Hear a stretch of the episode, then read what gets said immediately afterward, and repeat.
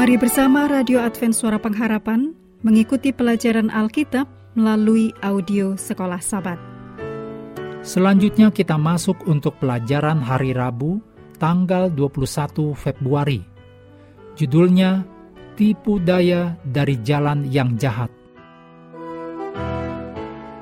Mari kita mulai dengan doa singkat yang didasarkan dari Titus 2 ayat 12 supaya kita hidup bijaksana, adil, dan beribadah di dalam dunia sekarang ini.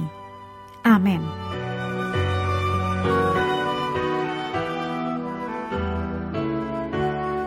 Dalam Mazmur 141, pemazmur mendoakan untuk perlindungan dari godaan dari dalam dan dari luar. Pemazmur tidak hanya terancam oleh rencana orang fasik, yang ditulis dalam Mazmur 141 ayat 9 dan 10, tetapi juga tergoda untuk bertindak seperti orang fasik. Kelemahan pertama adalah pengendalian diri dalam berbicara, dan pemazmur berdoa agar Tuhan menjaga pintu bibirnya. Ditulis dalam Mazmur 141 ayat 3. Gambaran ini mengacu pada penjagaan gerbang kota yang pada zaman Alkitab melindungi kota. Godaannya juga, apakah anak Tuhan akan menyerah pada nasihat orang benar atau terpikat oleh makanan lezat orang fasik? Ditulis dalam Mazmur 141 ayat 4 dan 5. Pemazmur menggambarkan hatinya sebagai ancaman utama karena di sanalah pertempuran sesungguhnya terjadi. Hanya doa yang tak henti-hentinya dengan kepercayaan penuh dan pengabdian kepada Tuhan yang dapat menyelamatkan anak Tuhan dari pencobaan. Ditulis dalam Mazmur 141 ayat 2.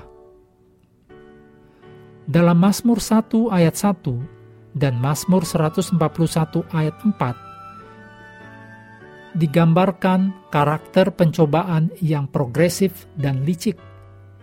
Mazmur 141 ayat 4 menggambarkan sifat pencobaan yang progresif. Pertama, hati cenderung ke arah kejahatan. Kedua, hati mempraktekkan perbuatan jahat. Artinya, dalam bahasa Ibrani menggarisbawahi karakter berulang dari tindakan tersebut. Ketiga, hati memakan makanan kelezatan orang fasik, yakni menerima perbuatan jahat mereka sebagai sesuatu yang diinginkan. Demikian pula dalam Mazmur 1 ayat 1, pencobaan datang untuk mencegah anak Allah berjalan di jalan Tuhan dengan cara membuatnya berjalan bersama orang fasik, berdiri di jalan orang berdosa, dan akhirnya duduk bersama orang yang mencemooh. Orang berdosa, jahat, dan pencemooh, kita tidak boleh seperti mereka atau membiarkan mereka menjauhkan kita dari Tuhan.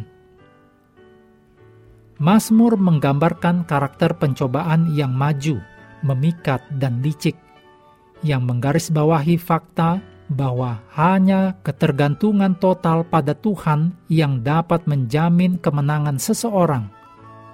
Mazmur menekankan pentingnya kata-kata yang diucapkan dan didengarkan di tengah pencobaan. Akhir dari orang jahat dan orang benar seharusnya mengajar orang-orang untuk mencari hikmat dari Allah.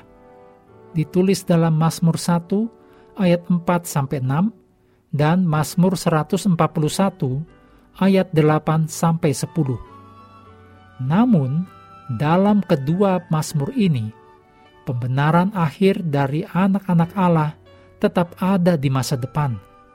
Ini berarti bahwa orang beriman dipanggil untuk dengan sabar mempercayai Tuhan dan menanti-nantikan Dia.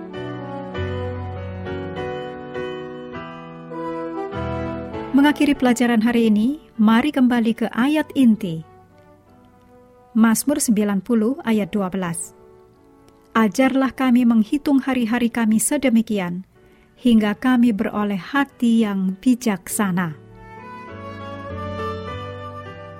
Kami terus mendorong Anda bersekutu dengan Tuhan setiap hari, bersama dengan seluruh anggota keluarga, baik melalui renungan harian, pelajaran sekolah sahabat, dan bacaan Alkitab sedunia, percayalah kepada nabi-nabinya, yang untuk hari ini melanjutkan dari Yeremia pasal 24. Tuhan memberkati kita semua.